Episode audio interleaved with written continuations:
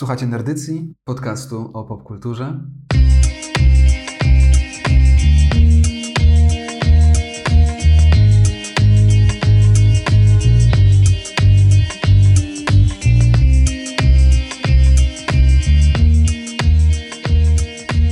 Raz, raz, raz, raz.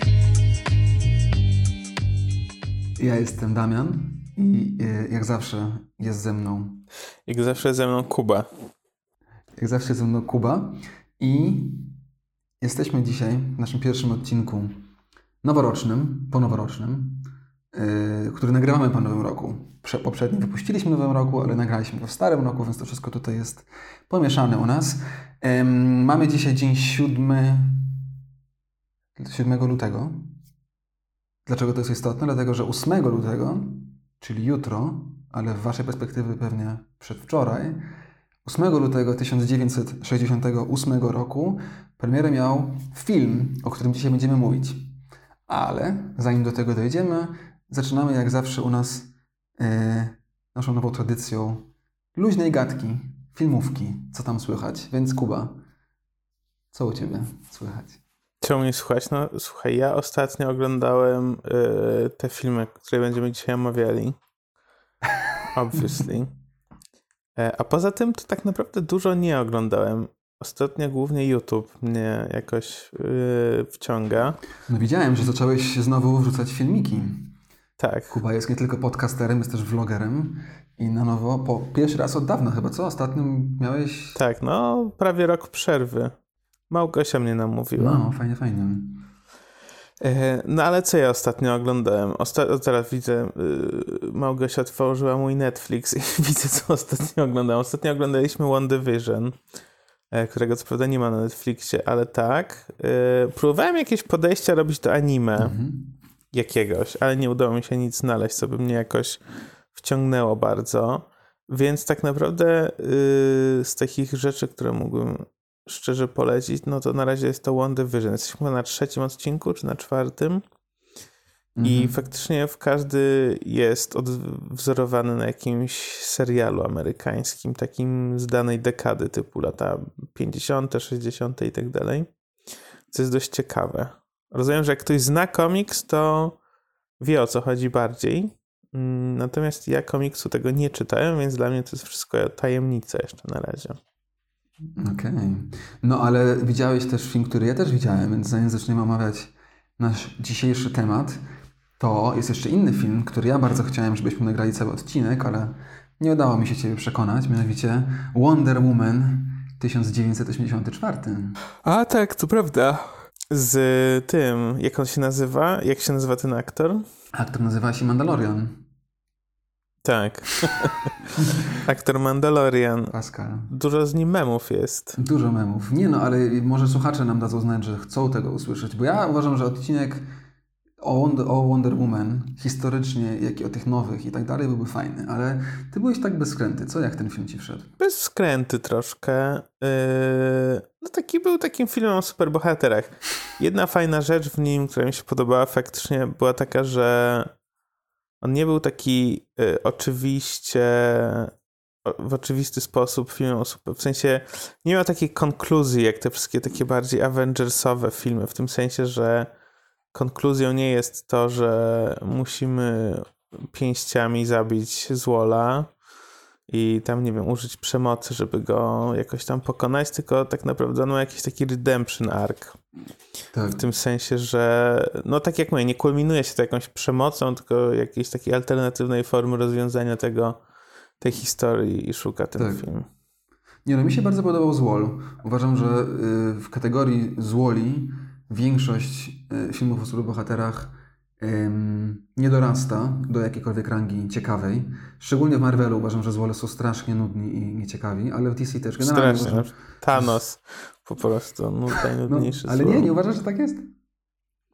Że są nudni złola? No, No nudni są. No. no. A ten był fajny. Ten mi się podobał, bo był człowiekiem opętanym przez jakiegoś demona i jakby cały ten jego, ten jego vibe taki trampowy. Nie wiem, fajne to było, ale z, Wonder, z tym Wonder Woman nowym mi się najbardziej zaciekawiło mnie to, że wszyscy tak na niego narzekali, że krytycy go tak, wiesz, Znaczy generalnie był to słaby film, a moim zdaniem wcale to nie był słaby film, tylko jest tak, że przez rok pandemii i niechodzenia do kina i nieoglądania filmów o superbohaterach wszyscy zapomnieliśmy, że tak wyglądają filmy o superbohaterach, bo on naprawdę był jak dla mnie takim klasycznym filmem jak wszystkie inne, które nie są jakoś tam, wiesz, lepsze od średniej, także to było gdzieś tam śmieszne. E, no i tak jak Ci mówiłem, Kuba, że byliśmy na nim w kinie, e, moja partnerka i ja i to było to było to, czego nam trzeba było. Tak, no ja One Division nadal nie oglądam, bo czekam aż się skończy. Jak całość wyjdzie. Jak całość wyjdzie. Mm, ale obejrzałem Mandaloriana. No właśnie, ja przepraszam. Właśnie, chciałem cię o to zapytać. To jest ta najważniejsza rzecz które po prostu czekaliśmy, aż ty y, obejrzysz tego Mandalorianina tak długo, że już zapomniałem o co w nim chodziło. Ty zawsze tak twierdzisz, trochę, że tak wcale oczywiście nie jest przes- Trochę oczywiście przesadzam teraz, no ale chcę pokazać jakby skalę problemu, używając, wiesz co, e, egzaguracji takiej hardcore. Tak, ale ty zawsze to robisz, że potem się okazuje, że pamiętasz te wszystkie nerdowe rzeczy, tak czy siak, także ja już przestałem wtedy. Na początku naprawdę ci wierzyłem, myślałem sobie, nie no okej, okay, to coś, to muszę się pospieszyć, a teraz wiem, że to jest ściema i tak pamiętasz wszystko, poza tym ty jesteś takim nerdem z kategorii, że, że trzymasz gradże, że jest jakaś jedna rzecz, która ci się nie podoba i na zawsze wieki wieków ją pamiętasz.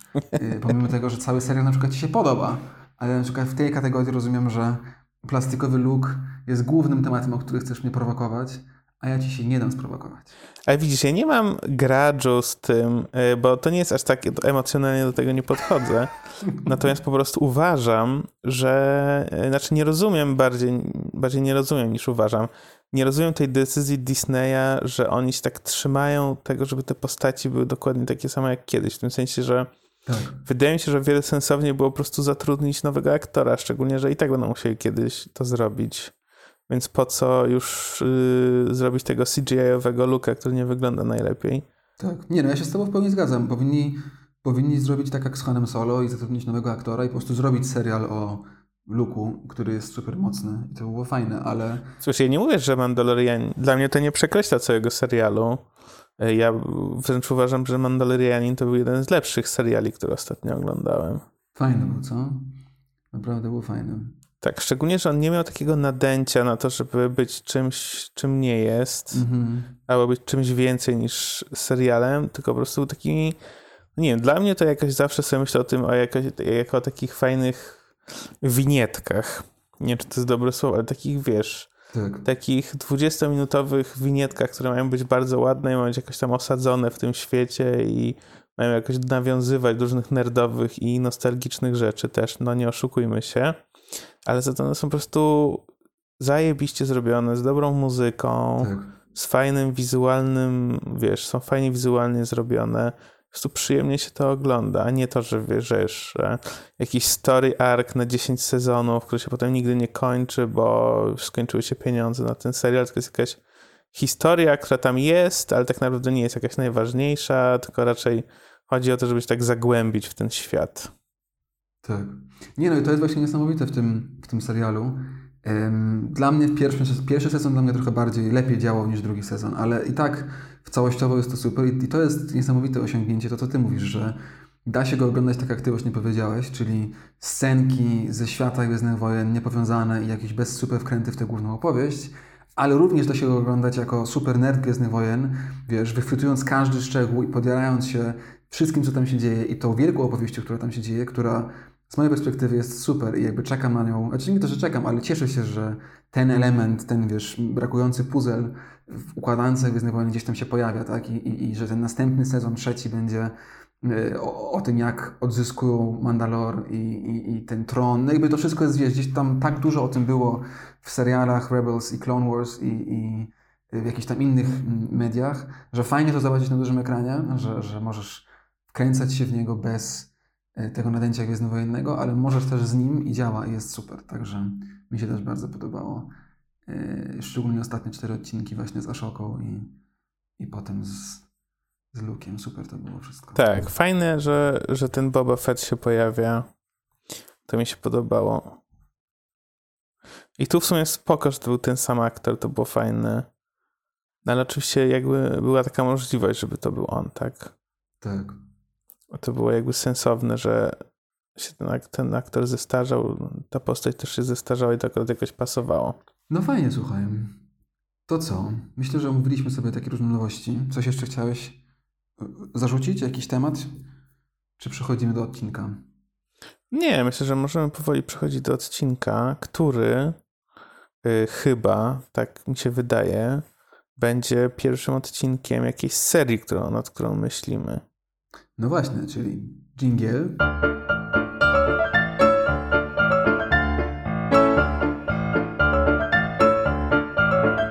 Jak już Kuba zatizował, zaczynamy nową serię, nowy mini-sezon, mini-serial. Trochę tak wymieniamy się w Nerdycji, że mieliśmy parę odcinków bez sezonu, potem mieliśmy serial, sezon o miastach, potem mieliśmy znowu parę odcinków bez i trochę poczuliśmy, że może wrócimy znowu do jakiejś formuły sezonowej. Zobaczymy na razie, nie definiujemy się tak jak ostatnio, czy to będzie x filmów i jakie, ale mamy jakiś główny temat, który nas zaciekawił i tematem jest... Tematem są końce świata. No i powiedz. Czyli generalnie y, jak, jak Hollywood i pewnie nie tylko, bo może wykroczymy poza hollywoodzkie filmy, wykroczymy. sobie wyobraża koniec świata. Myślę, że nie musimy też zdradzać powodów, dla których y, nas to zaciekawiło, bo coś czuję, że wszyscy nasi słuchacze i słuchaczki żyją w tym samym świecie, w którym my żyjemy od y, półtorej roku. Więc temat końca świata gdzieś tam jest dość naturalny. Ale tak, mieliśmy taki pomysł, trzymamy taki pomysł i go realizujemy, więc będziemy skakać. To nie będzie tak jak ostatnio w miastach, że mieliśmy chronologiczny ogląd. Tym razem będziemy sobie trochę skakać pomiędzy różnymi filmami z różnych momentów, epok, ale jakimś przewodnim pytaniem, do którego będziemy wracać i go jeszcze rozwijać, jest właśnie to, czyli jak wizje końca świata się pojawiają, dlaczego, w jaki sposób, czym się różnią, czy zawsze są dystopijne, czy może też są utopijne. Yy, jakieś takie rzeczy mnie ciekawią, nie wiem jak ty, Kuba. Coś jeszcze byś dodał, jakieś pytania? Ja myślę, że tak. Myślę, że dobrze yy, to ująłeś. Też pewnie postaramy się może jakoś historycznie tak. określić. W sensie jakiś tak, wiesz, jakiś może będziemy tworzyli taki niechronologiczny, ale jakiś taki historyczny mm, timeline tych filmów. Nie wiem, czy to ma sens. W każdym razie chodzi mi o to, że na przykład w odcinku następnym, który nie będzie pierwszy, tylko drugi, opowiemy na przykład o tym, jakie były pierwsze filmy o końcu świata. Tak, w tym sensie, że to jest pofragmentaryzowane. Tak, tak, tak. Albo i nie, zobaczymy. Będziemy musieli się umówić na konkretną formułę. Tak, trzymamy to na luzie. Wiemy, że chcemy zrobić pewnie tak jak ostatnio kilka odcinków.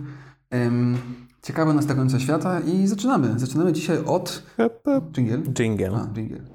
In less than an hour we'll finish our sixth month out of Cape Kennedy.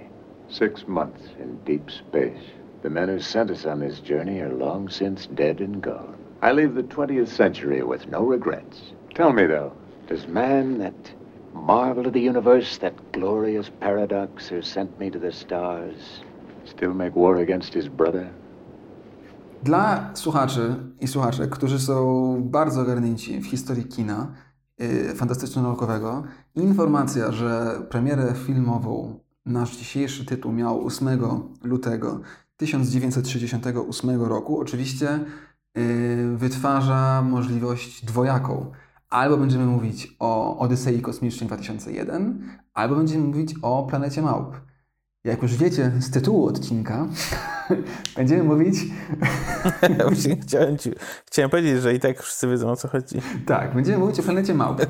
Ale y, Odyseja Kosmiczna też się pojawi kiedyś. Także Planeta Małp, film, seria filmów, franczyza. Będziemy dzisiaj się głównie skupiać na pierwszym z pierwszej serii i na remake'u z 2001 roku, ale poskaczemy sobie wokół tych wszystkich innych też.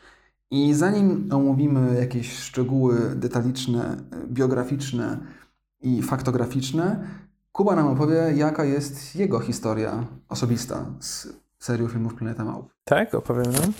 No. Y, no jaka jest? Jest taka, że bardzo lubię te filmy. W sensie masz jakieś wspomnienia czy coś, czy to jest coś nowego? Nie no, widziałem, widziałem wielokrotnie. Nie to, że jakoś bardzo pamiętam, kiedy pierwszy raz widziałem, że wiesz, wow, pierwszy raz oglądałem Planetę Małp. Y, natomiast ten film jakoś zawsze istniał w mojej świadomości i zawsze go lubiłem. Ostatni raz oglądałem go na studiach. Czyli w latach 80. W latach 80., tak. E, ostatnio zaglądałem go na studiach, na jakieś zajęcia. No i teraz. Mhm. A wyglądałeś też, bo ja Planetę Małp kojarzę z dzieciństwa z serialu, bo... Z serialu? Były dwa próby seriali, czy dwa seriale powstały, dość krótkotrwałe w latach 70. i one potem z jakiegoś powodu były w telewizji pokazywane i ja to oglądałem i pamiętam to, także to są moje pierwsze wspomnienia. Nie wiem, czy też to oglądałeś. Nie. Takie dość niskobudżetowe i takie już, wiesz, wchodzenie w szczegóły tego świata i jakiś melodramatyzm i tak dalej, ale pamiętam, że to było całkiem fajne. No a potem właśnie w zeszłym roku tak naprawdę zaczęliśmy oglądać w naszym domowym kinie te filmy oryginalne, trzy. I jakoś od tego czasu ch chciałem nagrać coś o nim razem z Tobą, ale coś innego się wydarzyło pomiędzy, w sensie inne nagraliśmy odcinki. No i nagle właśnie Ty się jakoś to wkręciłeś parę tygodni temu, więc stwierdziliśmy, że, że dobry moment jest, żeby nagrać. Tak, ja jakoś wkrętę mam, yy, może dlatego, że wysłałeś mi ten, tą zajawkę King Kong vs. Godzilla. E, jakoś tak się wkręciłem w temat małp. O, to jest tutaj. Gdzieś pojechał hardkorowo, stary. Dlaczego? King Konga, King Konga porównywać z y, tymi z małpami z planety małp. No ale w ogóle, że wiesz, jakby tak zakres tematyczny nie, no wiadomo, jest jakoś tam podobny. I to po polsku w ogóle nie działa tak fajnie jak po angielsku, nie? Bo po angielsku masz to rozróżnienie na monkeys i apes i jakby wokół tego są te wszystkie spiny w tym filmie też. Nie nazywają nas monkeys, tylko nazywają nas ape. A po polsku to chyba wszystko są małpy. No po polsku mówisz chyba naczelne też. No ale nie no, jakby biologicznie tak, ale czy, tak mówi się? E, no chyba się nie mówi, tak. W sensie jest to rozróżnienie, ale chyba potocznie się, potocznie się nie mówi. Tak, ale to jest już jeden z wątków głównych, do których wrócimy. Film bazuje na książce francuskiego autora Pierre Boulle z 1963 roku, czyli parę lat przed która porusza podobne wątki, ale jest inna niż film. Także tylko to, żeby na, na, na nadmienić, że jest to znowu ekranizacja. I powstaje on i wychodzi w roku 68 jest ogromnym sukcesem i kasowym i krytycznym. Bardzo szybko staje się y, kultowym i, jakimś takim filmem bardzo ważnym. I w związku z tym powstaje pięć sequeli w, prawie rok po roku. E, jeden serial, drugi serial, serial animowany, a potem przez 20 lat wszyscy chcą zrobić remake i kolejne, ale to oczywiście się nie udaje, aż w 2001 roku Tim Burton robi swoją wersję mm, dość problematyczną. Ciekawą na pewno. Na pewno ciekawą, tak, na pewno ciekawą. A od 2011 z kolei jest kolejna seria filmów o planecie Małp. Y, które są takim bardziej rebootem, czyli nie, nie, nie, do, nie do końca bazują na żadnym i o nich na razie nie będziemy mówić. Nie, one jakby opowiadają, tak tylko zrzucę dwa zdania, one opowiadają jakby o tym, jak ta planeta małp powstała, powiedzmy, czyli one są takie poniekąd prequelami są. Mhm. A teraz słuchaj, sprawdziłem szybko w internecie tak zwanym. Po polsku mówi się małpy człowiekokształtne. Okej. Okay. You thought life on Earth was meaningless. You despise people. So what'd you do? You ran out. No, no, it's not like that, Landon. I'm a seeker, too. But my dreams aren't like yours. I can't help thinking somewhere in the universe there has to be something better than man. Has to be. I co? I mamy film, w którym pokrótce, nie robimy streszczenia, bo odeszliśmy od tego, ale pokrótce chodzi o statek, kosmiczny wysłany z Ziemi, który ląduje e, awaryjnie na tajemniczej, dzikiej planecie w roku 3978. I oczywiście, jak wszyscy wiemy, na tej planecie okazuje się, że nie jest ona niezamieszkana i dzika i pusta, tylko jest zamieszkana przez rozumne i inteligentne e, istoty człowiekokształtne, czyli małpy. E, I dochodzi do całej naszej opowieści, o której będziemy sobie rozmawiać. Od czego chciałbyś zacząć, Kuba? Od czego chciałbym zacząć? Tak mnie wrzucasz pod autobus trochę. No. no nie wiem, mi się wydaje, że może pójdźmy tym kluczem interpretacyjnym serii, czyli yy, zadajmy sobie pytanie o to, jaki koniec świata przedstawiony jest w filmie. Mhm. E, I w jakim kontekście historycznym on powstał, tak? Bo dla mnie strasznie jest uderzający ten cały wątek y, zimnej wojny i wątek antyatomowy, Mhm. powiedzmy. E, jakiś taki w ogóle antyprzemocowo jakiś tam, co jest dość zabawne w kontekście głównego bohatera, który był przez wiele lat y, przewodniczącym amerykańskiego NRA, czyli National Rifle Association, czyli y, takiej grupy, która lobbuje y, dostęp do broni w Stanach. Tak. Tak, no Charlton Heston, czyli główny bohater, czyli aktor grający głównego bohatera Taylora, był bardzo znanym aktorem, który y, wcielił się w bardzo wiele takich, wiesz, ról wielkich. Grał Może, Mojżesza w słynnym filmie The Ten Commandments, grał Judasza w Ben Hurze i, i tego typu postaci. Mm, I potem rzeczywiście był bardzo aktywnym politycznie działaczem Partii Republikańskiej też właśnie NRA. I zgadzam się z Tobą, że to jest dziwne w kontekście tego filmu, bo rzeczywiście mamy tutaj opowieść, która... I rzeczywiście zacznijmy sobie od tego, bo masz rację, że to jest nasz główny wątek, więc trzeba od tego zacząć. I, no i co mamy? Mamy ten wielki, wielki reveal. To, to, to jest jedną z bardziej słynnych scen, powiedziałbym, kina sci-fiowego. E, czyli ostatnią scenę, w której w różnych wszystkich przygodach w tym filmie pokazanych, w ostatniej scenie Taylor e, razem z, e, ze swoją wybranką, tudzież przypisaną mu kobietą z plemienia ludzi. Ten wątek jest w ogóle... Tak, on jest zły. To jest ten jeden z elementów starych filmów sci-fi. Zrzućmy go na karb, na karb czasów. Tak, seksizmu sci-fiowego, yy, okropnego.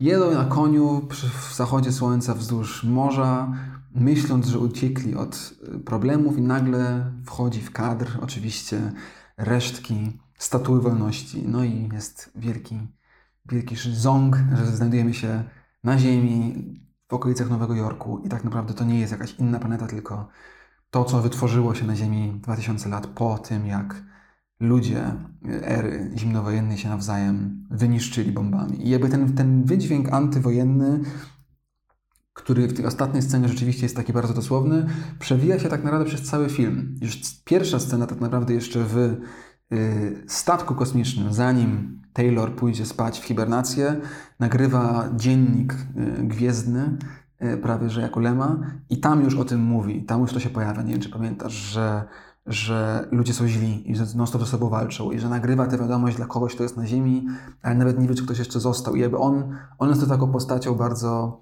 realistyczno-negatywną, nie? że on jest tym, który non-stop jakby komentuje to, że się nawzajem bijemy. Tak, cały czas się przewija, że on, on się zapisał na tę misję po to, żeby uciec od ludzkości, żeby, że musi być w kosmosie coś lepszego niż ludzie. Tak, że istnieje na pewno coś, co nie jest aż tak złe. No i przeciwnie, jakby jemu przeciwstawiony jest yy, inny członek załogi, Logan, który jest tutaj pokazany jako ten taki mm, wierzący w jakieś tam ideały, tak, amerykańskie szczególnie, czyli był zawsze najlepszy na roku, był przodownikiem, yy, kujonem i poleciał, żeby właśnie być tym, który pojawi się na innych planetach i będą jego pomniki i tak dalej. Y, no i też oczywiście śmiesznym jest to, że co się z nim dzieje. Jest y, pierwszym, który, któremu zostaje zoperowany mózg, wycięty cały fragment jego osobowości i staje się zombie tak naprawdę, takim chodzącym y, człowiekiem bez, bez właściwości. Więc ten element zimnowojenny jest mocny i jest bardzo fajny. Oprócz tego, że Charlton Heston rzeczywiście jest dziwnym typem, ale to jest coś, co w tym filmie mi się zawsze podoba, że jest tak strasznie mocno pokazane, że wojna nie jest fajna i broń nie jest fajna. I może to jest fajny moment, żeby zachować, zostańmy przy tym wątku i skoczmy do 2001 roku, do remake'u Timu Bartona, bo dla mnie nic w tym filmie, znaczy bardzo mało rzeczy w tym filmie działa i jednym z powodów, dlaczego wiele rzeczy w nim nie działa, jest to, że dla mnie tego elementu tam w ogóle nie ma. Nie wiem, czy też tak uważasz, Kuba, ale jakby coś, co mnie uderzyło i widziałem wczoraj ten film po raz pierwszy, jakoś nigdy ten remake mnie nie, nie zaciekawił, ale obejrzałem go i jakby oprócz tego, że, że tam są różne inne rzeczy, których omówimy, to skupiając się na tym wizji końca świata, y, to w tym filmie jest tak zupełnie innie pokazane. Nie ma w ogóle dla mnie tej, tego napięcia jakiegoś właśnie problemu wojny i broni i ataku, tylko wręcz to jest takie przemilitaryzowane. To, te, te, wszystkie te małpy wiesz, w zbrojach, to wszystko jest jakieś tak dosłowne, że w ogóle nie ma tam przestrzeni dla mnie na jakąkolwiek interpretację i krytykę tego konkretnego wątku. Nie wiem, czy ty też tak uważasz? No dla mnie ten film, powiem ci, był na tyle jest forgettable i na tyle jakoś mało mnie wciągnął, że oglądałem go kilka dni temu, już praktycznie nic z niego nie pamiętam. E, bardzo go wyparłem. Mm, nawet nie do końca pamiętam, jak on się kończy. Czy on w końcu odlatuje z tej planety, czy nie? On się tak kończy, że Mark, Marky Mark odlatuje. Marki Mark, on odlatuje na, odlatuje z planety, zostawia kobietę, kobieta nie przylatuje, ale tam jest cały ten wątek jego, że ma dwie kobiety, jedna to jest tak. no, przedstawicielka gatunku czokokształtnych, druga to jest y, homo sapiens, ze wszystkimi się, z obiema się potem całuje, no i odlatuje tym podem, wszystko jest dobrze, happy ending. I kończy się tak i ta końcówka rzeczywiście była... A, i końcówka jest taka, że on przylatuje na Ziemię i tam się okazuje, że to jest Ziemia, gdzie są małpy. Tak, czyli jakby próba była taka, żeby zchannelować tę końcówkę zaskakującą z oryginalnego filmu, tylko tutaj było tak, że ląduje y, w Waszyngtonie i na schodach y, mauzoleum Abrahama Lincolna, który okazuje się y, małpą, to nie byle jako małpą, tylko głównym wrogiem, czyli generałem Tate, który był głównym wrogiem przez cały film i tym takim militarystycznym przedstawicielem małp. Kręcę głową z głupim uśmieszkiem. Tak. To się nie trzymało kupy. To jest, ta końcówka nie miała w ogóle no. sensu i w ramach tego filmu i w ramach tego, co bym chciał powiedzieć, i w ogóle była słaba. Mm, no ale zostańmy przy tych wizjach końca świata na razie, czyli to jest coś, co w tym pierwszym filmie jest bardzo mocno widoczne, a w tym drugim nie. No i oczywiście pytanie, dlaczego? Co się zmieniło między 68 a 2001?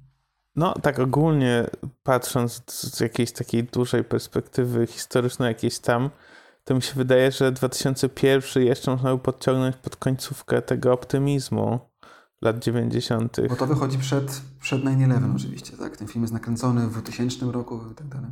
No właśnie, tak, więc jest jakiś dziwny okres historyczny, a z drugiej strony ja na przykład, ja z Bartonem y, nie mam dużego doświadczenia.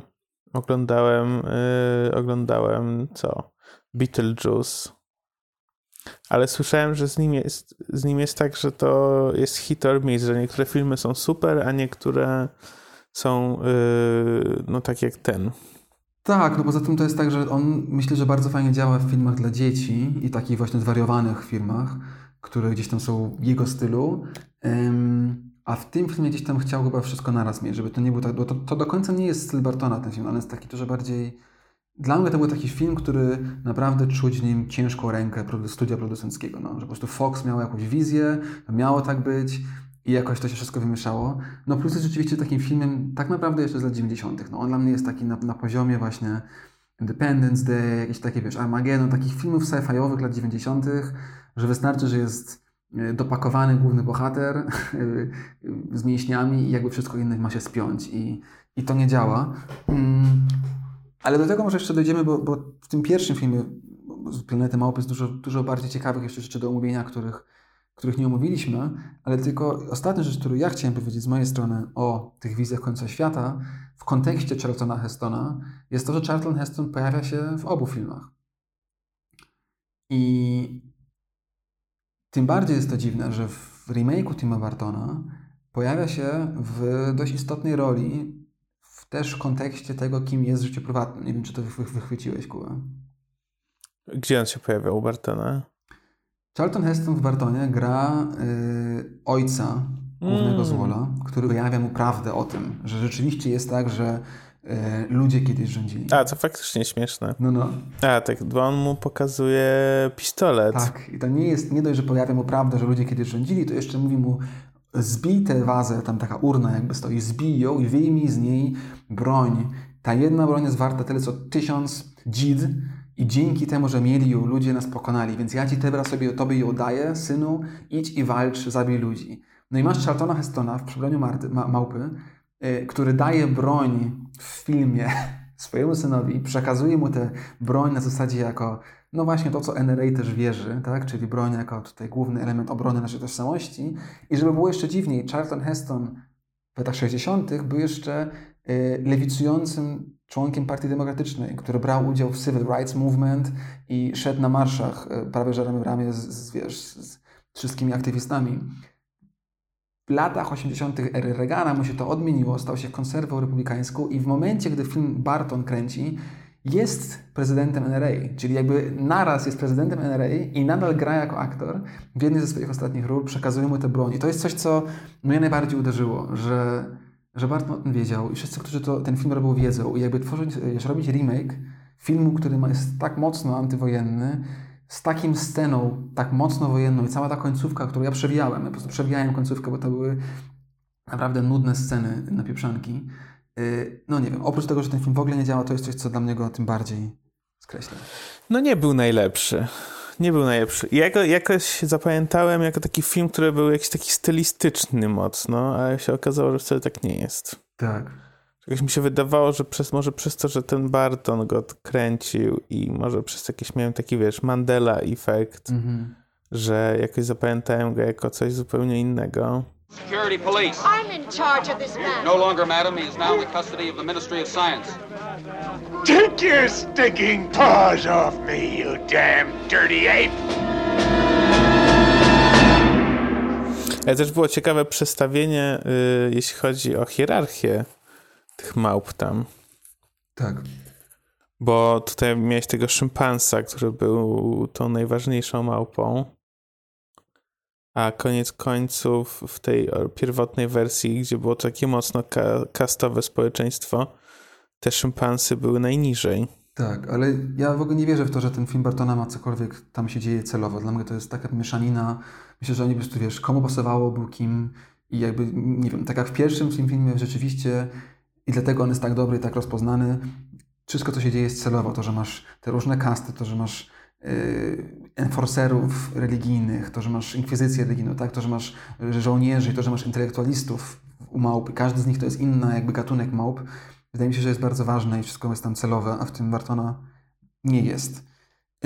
ale Kuba, jak już jesteśmy przy tym, przy tym wątku, to zostańmy przy nim, bo rzeczywiście jest tak, że ten element zimnowojenny i końca świata, jak się chce go widzieć, to jest bardzo widoczny, ale dla mnie, zarówno jak oglądałem na nowo ten film teraz, jak oglądałem go pierwszy raz rok temu, tak naprawdę to nie był główny wątek. Dla mnie głównym wątkiem w Planecie Małp i zarówno w pierwszej, jak i w całej serii tych pięciu filmów pierwszych, to jest oczywiście wątki rasowe. E, I to jest coś, co dla mnie tam jest najsilniejsze i najciekawsze. Nie wiem, czy ty też, też, też tak uważasz, czy też cię to gdzieś tam zaciekawiło. No to dawaj, dawaj. Że jest to dla mnie bardzo jasny i ciekawy komentarz do, y, do wielu rzeczy związanych z, z rasowością i z historią zarówno Stanów, jak i całego świata. Także mamy społeczeństwo, w którym pewne rzeczy, które są od Ciebie gdzieś tam nie do końca zależne, y, definiują, czy jesteś w cudzysłowie człowiekiem, czy nie, tak? Czyli tutaj małpą, czy nie. I to jest w tym pierwszym filmie super pokazane przez ten język, że ludzie są, że homo sapiens są niemowami, zatracili umiejętność mówienia y, i w związku z tym są traktowani jak Y, gorszy gatunek, a małpy przez to, że umieją mówić, czuły się lepsze, tak? I masz te całe wszystkie elementy eksperymentów i tak dalej, tak dalej, no, które oczywiście też pojawiało się historycznie, tak, że no w różnych momentach, tak, wiadomo, że i w Stanach yy, niewolnicy, jako ci, którzy nie mówili po angielsku i byli z innej kultury, w sensie ten język tutaj rozumiany jako pewnego rodzaju yy, symbolika kulturowa, tak, I też później, w latach 30. Żydzi w Niemczech. W sensie wydaje mi się, że tych, para, wiesz, tutaj tych paraleli jest dość dużo i to jest bardzo celowe. I to jest coś, co mi się wydaje yy, super, że, że jakby kolejny raz film sci-fi mamy, który wchodzi jakoś głęboko w komentarze społeczno-polityczne. Tak, no zdecydowanie to jest tam bardzo ważny wątek. Ale też mi się wydaje, że z perspektywy 2021 on jest taki dość mało subtelny w tym sensie, że on jest tak mm, no bardzo y, to chcę powiedzieć ham-fisted, ale wiesz o co chodzi, jest taki mm -hmm. no w sensie bije po oczach od razu od razu takie, to wiesz, to takie przedstawienie, znaczy ta, ta zamiana ról, że ludzie są postawieni, znaczy ludzie w sensie, y, nasz biały Amerykanin jest postawiony w roli właśnie tego, który nie ma jakoś tam, no przede wszystkim jedna to jest kwestia gatunku, tak, czyli w ogóle tego, na ile y, na ile jesteśmy uprawnieni do tego, żeby robić eksperymenty na zwierzętach, żeby traktować jakoś w jakiś sposób, yy, tylko dlatego, że nie jesteśmy w stanie ich zrozumieć i tak dalej. A z drugiej strony można to tam już jakąś metaforę rasowości zrobić, tak, jakiegoś i kolonializmu i tak dalej. Mm. Tak. Że jednak to narzędzie, żeby właśnie tak zamienić rolami yy, te dwie grupy jest takie już mi się wydaje troszkę anachroniczne. Znaczy może nie anachroniczne, ale z naszej perspektywy już o, oklepane. O, może to jest to, co chciałem powiedzieć. Tak, ale jest oklepane dlatego, że mamy planetę małp. No tak, tylko mówię, że jakby... Tak, wiadomo, że teraz jakby coś takiego zrobić, to by nie przeszło, bo, bo z innych powodów też, ale na pewno przez to, że Planeta Małp jest, i to też tylko pokazuje, moim zdaniem to tylko pokazuje tym bardziej, jak ważnym kulturowo elementem jest ten film i ta franczyza, że to już nam się wydaje oklepane, bo wtedy nie było, nie? wtedy to był szok i też to widać po tych kolejnych filmach. W drugiej części Planety Małp mamy opowieść o tym, jak jakby pokazane jest trochę z drugiej strony, że ludzie nadal istnieją, ale są pod ziemią i komunikują się ze sobą, ze sobą telepatycznie i są jakby tacy jeszcze, powiedzmy, tak naprawdę jeszcze bardziej rozwinięci niż te małpy, tak? W trzeciej części z kolei jest tak, że małpy znajdują się w Nowym Jorku i mamy jakby paralel do pierwszej części, w której mamy y, sąd przed inkwizycją i tak dalej, tylko z perspektywy ludzkiej. I jakby to jest coś, co w tym franczyzie się przewija i to jest fajne, moim zdaniem, ta gra, że jakby jako widz czasem jesteś po stronie małp, czasem po stronie ludzi, a tak naprawdę gdzieś tam chyba chodzi o to, że, że po prostu jakiekolwiek stawianie jakiegokolwiek gatunku ponad innym z jakichkolwiek powodów po prostu zawsze jest złe. I, I to chyba jest taka dość prosta, ale no gdzieś tam prawdziwa z mojej perspektywy wypowiedź tego całego, wiesz, tej, tej serii filmów. Mhm. No tak, bo ten film faktycznie działa zarówno na płaszczyźnie jakby jakiejś tam krytyki, e, tutaj będzie słowo pewnie gatunkistycznej, jak i na poziomie krytyki jakiejś tam rasowo-cywilizacyjnej, nie? No i oczywiście trzeci wątek, który już poruszyłeś, czyli prawa, prawa zwierząt, tak. To jest też bardzo jasne i to jest Y, gdzieś tam też istotne. Także te wszystkie eksperymenty, które w filmie dzieją się na ludziach, my w rzeczywistości ludzie robimy na y, szczurach i małpach, tak? I jakby gdzieś tam to też jest chyba bardzo istotne y, w kontekście y, lat 60., bo na szczęście też jest tak, że trochę już tego się odeszło, że takich eksperymentów już hardkorowych się nie robi, chociaż nadal się robi, bo trochę też nie ma jak. Nie? I to jest oczywiście pytanie ogólne, że dla dobra gatunku Homo sapiens trzeba testować rzeczy na innych gatunkach. Yy, no i pytanie, tak, czy to rzeczywiście... No tak, no ale to zazwyczaj się testuje, wiesz, jakieś kosmetyki i tak dalej, a nie... W tym sensie pewnie też testuje się różne lekarstwa. Na dużo rzeczy nie jest dla dobra gatunku Homo sapiens, tylko raczej dla dobra kapitału. Tak. I i ten wątek dopiero się pojawia w tych późniejszych filmach. W sensie tutaj jeszcze trochę to było takie, no tak jak mówiliśmy, też film co tak się zachwycać. No jest to jednak film sci-fi z lat 60. Jasne jest to, że najpierw ginie kobieta, potem ginie jedyny czarny aktor, e, zanim wypowie więcej niż cztery zdania. E, mamy ten cały wątek z tą przypisaną naszemu głównemu, białemu, pięknemu bohaterowi kobietą, która ma być mu posłuszna i tak dalej. No są, są problemy z lat 60. oczywiście. Ale jest to bardzo fajny film, pomimo tego. I moim zdaniem się w ogóle nie zestarzał. Jak teraz czytałem w internecie jakieś opinie, ludzie twierdzą, że się zestarzał. E, moim zdaniem się nie zestarzał i się go super ogląda. Nie wiem, jak ty uważasz. Yy, nie, dla mnie się nie zestarzał. A wiesz, że ja nie przypadam za starymi filmami. Yy... Chociaż może mi się to zmieniło, nie wiem.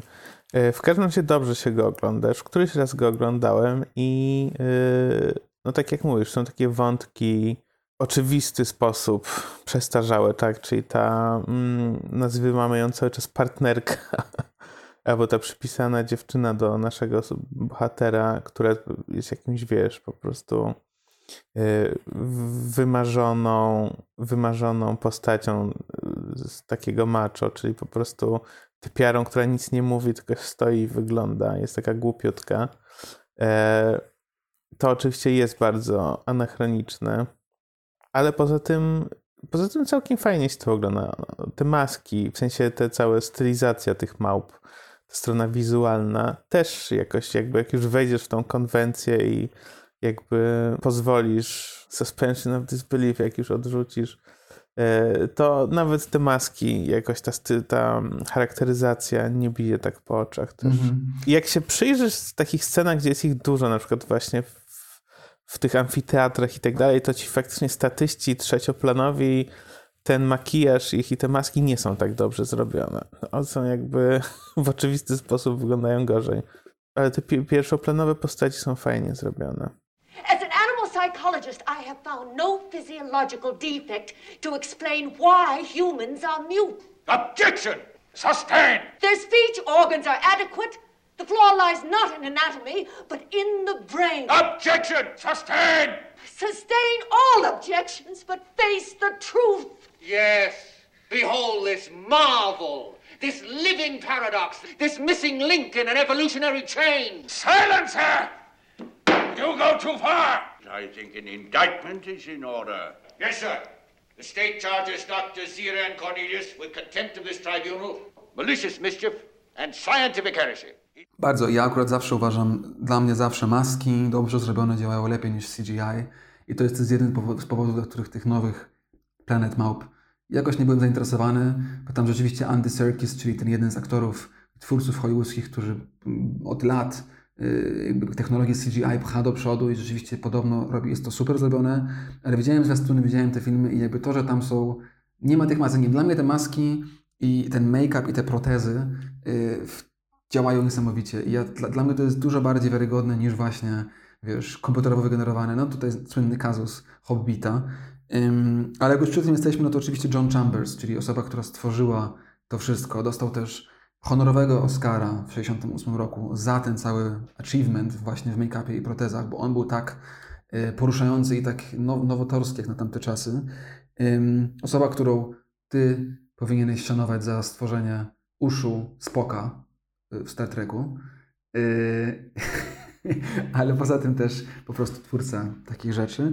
I też on, jak wyczytałem, to było całkiem zabawne, był tym y, kolesiem odpowiedzialnym za make-up i stroje w słynnej akcji wyzwolenia zakładników w amerykańskiej ambasadzie w Iranie w 1980 roku, o której potem powstał y, okropny film Argo, ale y, to tylko tak na boku. To co?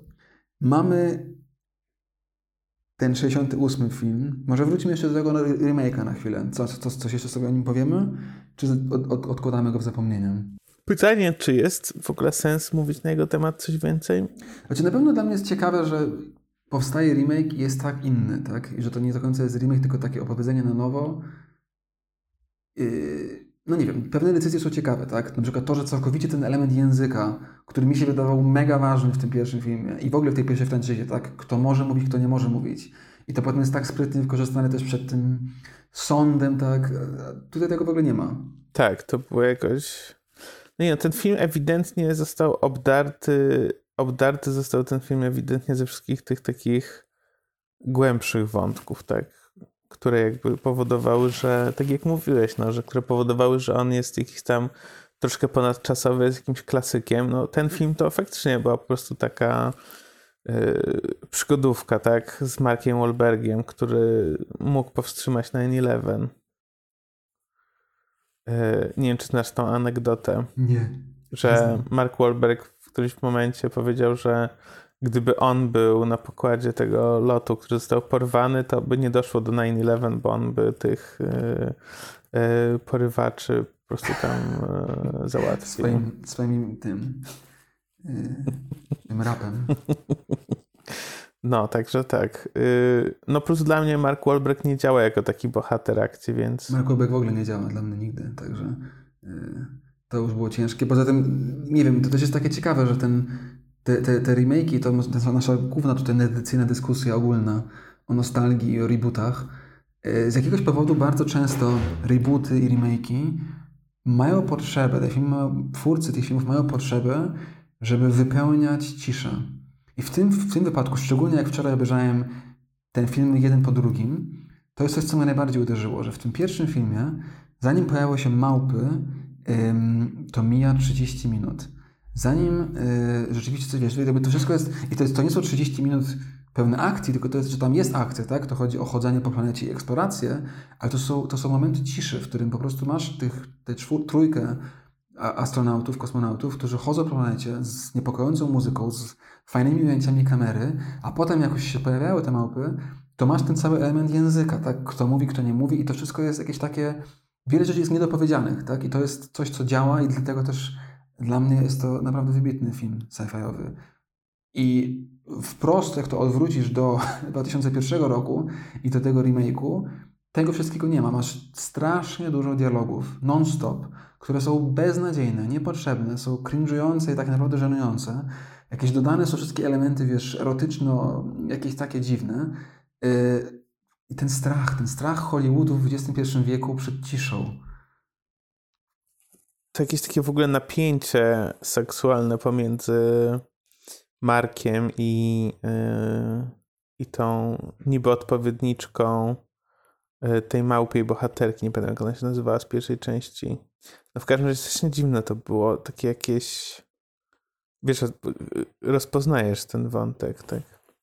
Jakieś to wszystko było bardzo problematyczne. No. Jakby jak się zaczyna w to wchodzić, to, to, to ten film naprawdę jest problematyczny. Yy, też z jakiegoś powodu to się nie dzieje w 1978 roku, tylko w 2029 roku. I to było coś, co mnie jakoś tak bardzo, yy, wiesz, pod off. W sensie, to są takie zmiany, które nic nie, jakby nie są potrzebne, ale zawsze się dzieją w tych remake'ach i rebootach, bo tak. I jakby mnie one, wiesz, kompletnie wystrzeliwują w sensie po co, tak? I jakby nie. No, tak. Myślę, że warto ten film zapomnieć. To jest główna, główna moja. Ty widziałeś go wczoraj, ja widziałem go kilka dni temu, więc myślę, że za kilka dni też nie będziesz pamiętał, o co w nim chodziło. Cornelius was right, Doctor. He proved it. Man was here first. You owe him your science, your culture, whatever civilization you've got. Then answer me this. If man was superior, why didn't he survive? What I know of man was written long ago. Reach into my pocket. Read to him the 29th scroll, sixth verse. Beware the beast man, for he is the devil's pawn. Alone among God's primates, he kills for sport, or lust, or greed. Yea, he will murder his brother to possess his brother's land. Let him not breed in great numbers, for he will make a desert of his home and yours. Shun him. Drive him back into his jungle lair, for he is the harbinger of death. Zniszczenie środowiska jest czymś, co jeszcze chciałbym omówić. Wracając, może kończąc do tego wątku końca świata, no bo tutaj mamy rzeczywiście, gdyby tę wizję końca świata opisać, no to mamy świat zniszczony po wojnie nuklearnej. I jest on wyniszczony zarówno, zarówno ludzko, bo jakby nie ma cywilizacji ludzkiej i tak ale też środowiskowo, tak, że w którymś momencie ten, ten przywódca inkwizycji religijnej opowiada właśnie Taylorowi, że ta przestrzeń, która jest pustynią, kiedyś to było yy, no, przestrzeń, rozumiem, pełna życia i natury i tak dalej. To takie wyniszczenie. Yy, I to, jest, to są jakieś takie dwa wątki, które mi się wydaje, że będą się pojawiać też w innych filmach o końca świata. I z jednej strony cieszę się na to, że jakby jestem ciekaw, jak inny sposób jakby te same rzeczy będą pokazane, czyli jakby wyniszczenie nuklearne i zniszczenie środowiska, ale też trochę obawiam się, że może to się wydać nam bardzo szybko, bardzo powtarzające się. Że jakby trochę mam wrażenie, że te wizje końca świata trochę są zawsze wokół tego, nie? Wiesz co mam na myśli? W sensie wokół jakiejś katastrofy ekologicznej. Też dlatego, że to jest najbardziej prawdopodobna y, trajektoria rozwoju naszego społeczeństwa. Y, tak, no co jest ciekawe, to akurat lata, końcówka lat 60., czyli ten okres Nixona, mhm to jest akurat okres, w którym się zaczyna mówić o tym problemie zanieczyszczenia środowiska. I akurat Nixon, yy, jako konserwatywny prezydent z Partii Republikańskiej, akurat yy, wprowadza różne szereg jakichś ustaw właśnie prośrodowiskowych, co z naszej dzisiejszej perspektywy zupełnie się wydaje, wiesz, nie na miejscu. W sensie, jeśli chodzi o jego afiliację polityczną. Natomiast ten, to jest ciekawe, że ten wątek wtedy był istotny, potem mi się wydaje jakoś troszkę ucichł i teraz znowu wraca, tak? Więc mam jakiś taki, wiesz, taki, jakiś taki powrót tego tematu właśnie mm, środowiska. Mhm. Jako czegoś, co jest na centralnym miejscu w, tych koń, w, tym, w, tej wizji końca świata, tak? Jest taka książka, nie wiem czy czytałeś Kuba, y, autora Nathaniel Rich się nazywa The Decade We Almost Stopped Climate Change. I to jest niesamowita książka, bo jej główną tezą, bazującą też na faktach historycznych i naukowych, jest to, że w 1979 roku, czyli 10 lat po, po, po premierze tego filmu, ilość wiedzy, którą mieliśmy o tym, jak zanieczyszczenie środowiska postępuje, jak yy, pewnego rodzaju czynności, które wykonujemy na świecie, doprowadzają do, do, do zniszczenia środowiska nieodwracalnego. Wszystko to, co wiemy teraz, wiedzieliśmy już w 1979 roku. Jedyna różnica jest taka, że dzisiaj mamy radykalnie więcej dowodów, innych informacji i tak dalej, dopełniających oglądu, ale jakby podstawowa informacja, którą mieliśmy, jest taka sama jak w 1979 roku. I ta książka opowiada fascynującą opowieść o tym, jak jeden naukowiec tak naprawdę e, przez 10 lat próbował przekonać polityków amerykańskich, społeczeństwo amerykańskie i, i media i tak dalej, żeby coś zrobić i udało mu się to prawie. I na początku lat 80. wszystkie osoby i instytucje, które nam się wydają dzisiaj największymi złolami, yy, firmy yy, zajmujące się wydobyciem ropy, gazu i tak dalej, E, były full on, były, miały wytworzone, wiesz, dywizje w ramach siebie, żeby przeciwdziałać i tak dalej. I dopiero w latach 80. w połowie nastąpiła bardzo jasno zdefiniowana e, kontratak, tak? atak przeciwko temu tych samych firm, które stwierdziły, że więcej sensu ma inwestowanie w e, przekonanie ludzi, że to jeszcze nie jest teraz, że może rzeczywiście to jest złe, ale nie mamy się co tego martwić, bo to będzie za 100 lat, za 150 lat i że jakby bardziej im się opłaca to, niż rzeczywiście to, co na początku myśleli, czyli zmiany ekologiczne. I yy, jest to przerażające i smutne i okropne, ale rzeczywiście jest tak, że ten film dla mnie trochę jest jakimś takim prekursorem tego, co się właśnie wydarza, tak, później już, czyli tej, tej, tej świadomości ym, zniszczenia środowiska, o której też mówiliśmy oczywiście w kontekście cyberpunku, że to gdzieś tam się fajnie łączy i rzeczywiście jest tak, że do tego teraz trochę wracamy, bo yy, nie ma odwrotu i wiemy, że jest kryzys klimatyczny i jestem bardzo ciekaw, jak właśnie pokowidowo, w świecie filmu pokowidowym, te wątki będą nadal, wiesz, podchwytywane. Bo trochę jest tak, jest, że COVID przykrył, że był ten taki ruch, nie wiem, czy też to uważasz tak, ale w 2019 roku właśnie powstało dużo książek wyszło, było całe Fridays for Future, Greta Thunberg i w ogóle, po czym nagle nastąpił COVID i jakby gdzieś trochę na zeszło na dalszy plan coś, co wydawało się rzeczywiście jakimś takim nowym ruchem, tak, że mamy kryzys klimatyczny. I to jest smutne i mam nadzieję, że jak ogarniemy, że kryzys covidowy jest tylko pikusiem w porównaniu do tego, co nadchodzi klimatycznie, to, to będzie powrót. I jestem ciekaw właśnie, jak w tym wypadku film się do tego będzie odnosił. No, zobaczymy, tak, czy w klimacie głębokiej jakiejś tam recesji i kryzysu gospodarczego ktokolwiek będzie w ogóle zawracał sobie głowę e, tym, żeby się przejmować klimatem. A na pewno będzie to bardzo wygodny pretekst, żeby właśnie się nim nie zajmować. To co, Kuba? takim mm, średnio pozytywnym wątkiem y, kończymy. Dodaj jakieś podsumowanie od siebie. Co, co nam powiesz? Ostatni final thought o planecie Małp, serii Wizji Końca Świata i o wszystkim, co dzisiaj mówiliśmy. Myśli zamykające. No nic, no po prostu trzeba obejrzeć ten film, jak ktoś nie widział. Myślę, że po dzisiejszej naszej rozmowie jest na pewno yy, zachęcony i zachęcona do obejrzenia go. Mm, wydaje mi się, że y, powinniśmy wrócić jednak do tych nowych filmów. Ty powinny się obejrzeć. Myślę, że to może być ciekawe tak. porównanie. Tak mi też naszło, że może kolejny odcinek zrobić o tych, kolej, o tych nowych, o nowej trylogii. Jakoś teraz też pomyślałem, że, że to może być fajne. Yy, tak, no zdecydowanie y, Marki Mark i wersja 2001 yy, dla chętnych, tak zwany materiał dodatkowy. E, natomiast obowiązkowo pierwszą część, drugą, trzeciej jeszcze nie widziałem, ale pamiętam, kiedy się oglądałem.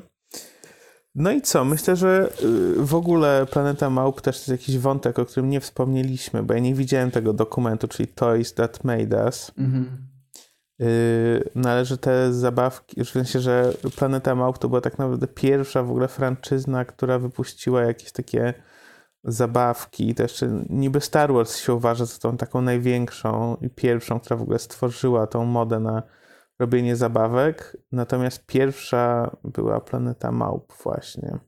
To, to jest y, fajne? To jest dobre? Bo kojarzę coś, to jest jakiś taki serial dokumentalny, tak? O, czy, czy jeden film? Co to jest? Tak, na Netflixie. No właśnie wszyscy bardzo to polecali. Ja tego nie oglądałem, natomiast w ogóle ten wątek, że Planeta Małp wypuściła zabawki, Mhm. to w jakimś podcaście słyszałem, coś tam, więc jakby wiedziałem o tym. I wydaje mi się, że to też się pojawia w tym serialu y, dokumentalnym Toys That Made Us. Tak. Ale nie wiem, może to jest coś, co muszę obejrzeć i sprostujemy to w następnym odcinku, albo i nie.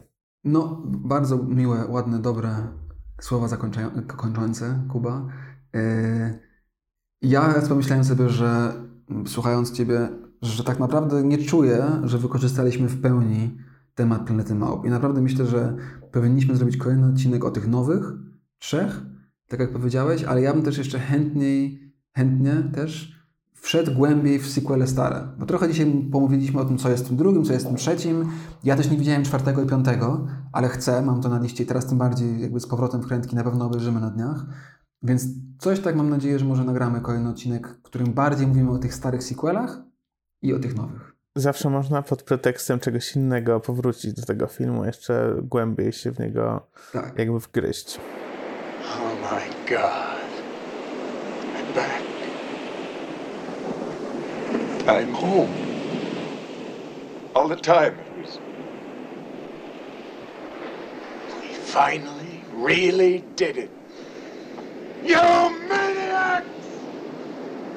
You blew it up! Oh, damn you! God damn you all No, No dobra, dobrze, Kuba, to co? Kończymy jak zwykle, klasycznie, pierwszy odcinek Wizji Końca Świata, yy, rekomendacjami. Co masz dzisiaj dla nas, Kuba? No więc y, ja może zarekomenduję podcast. Tego chyba jeszcze nie rekomendowałem. Mhm. E, Podcast, który się nazywa Well, There Is Your Problem. I to jest taki komediowy podcast o katastrofach inżynieryjnych. Okej. Y, Jest bardzo ciekawy, w sensie zabawny. A z drugiej strony jakoś tam jest super y, lewacki, y, super jakby po naszej stronie mocy, ale też jakoś taki informacyjny bardzo, bo taki o sprawach, o których naprawdę ja nie mam pojęcia, bo zupełnie są jakby nie z mojego, mm, nie z mojej działki, czyli jakiś tam właśnie, wiesz, takich problemach inżynieryjno-społecznych, Fajne. mm, które są wplatane oczywiście w to wszystko. Więc Well, There Is Your Problem się nazywa. Moja rekomendacja też jest y, audio, a nie wizualna, także dzisiaj się zgraliśmy, y, że polecamy rzeczy do słuchania. Y, oprócz oczywiście książki, którą już wspomniałem przedtem, wszyscy powinni ją przeczytać, ale moja rekomendacja dzisiaj odcinkowa jest taka, że ostatnio trochę się wkręciłem w koncept albumy muzyczne, czyli jakby albumy muzyczne, które mają same w sobie się opowiadają, a szczególnie w podgatunek sci-fiowy. I właśnie dzisiaj został mi rano polecony i przesłuchałem sobie rano i jest świetny. Yy, Także polecam nową płytę rapera Aseo Rock, która nazywa się Spirit World Field Guide. I jest, tak jak tytuł wskazuje, czymś na pograniczu fantasy i sci-fiu, czyli płytą hip-hopową ze świetnymi bitami i tekstami, która imituje opowieść o podróżnika będącego w jakimś świecie równoległym. Yy, I jest bardzo fajna. Także to jest moje polecenie. Brzmi ciekawie. No dobra, to co? Yy, zastanawiamy się i myślimy nad zrobieniem odcinka trochę innego niż zwykle, ale czy to się wydarzy, czy nie, zostawiamy na razie otwarte, więc może być tak, że pojawi się w Waszym feedzie jakiś inny odcinek na edycji szybciej niż za miesiąc, yy, więc patrzcie i uważajcie, włączcie notyfikacje. Jak na razie żegnamy się. Planeta Małp do polecenia ma cert- Certified Fresh e, od Nerdycji i dzięki Kuba. Dziękuję. Słyszymy się za miesiąc, ale pewnie wcześniej. Bye.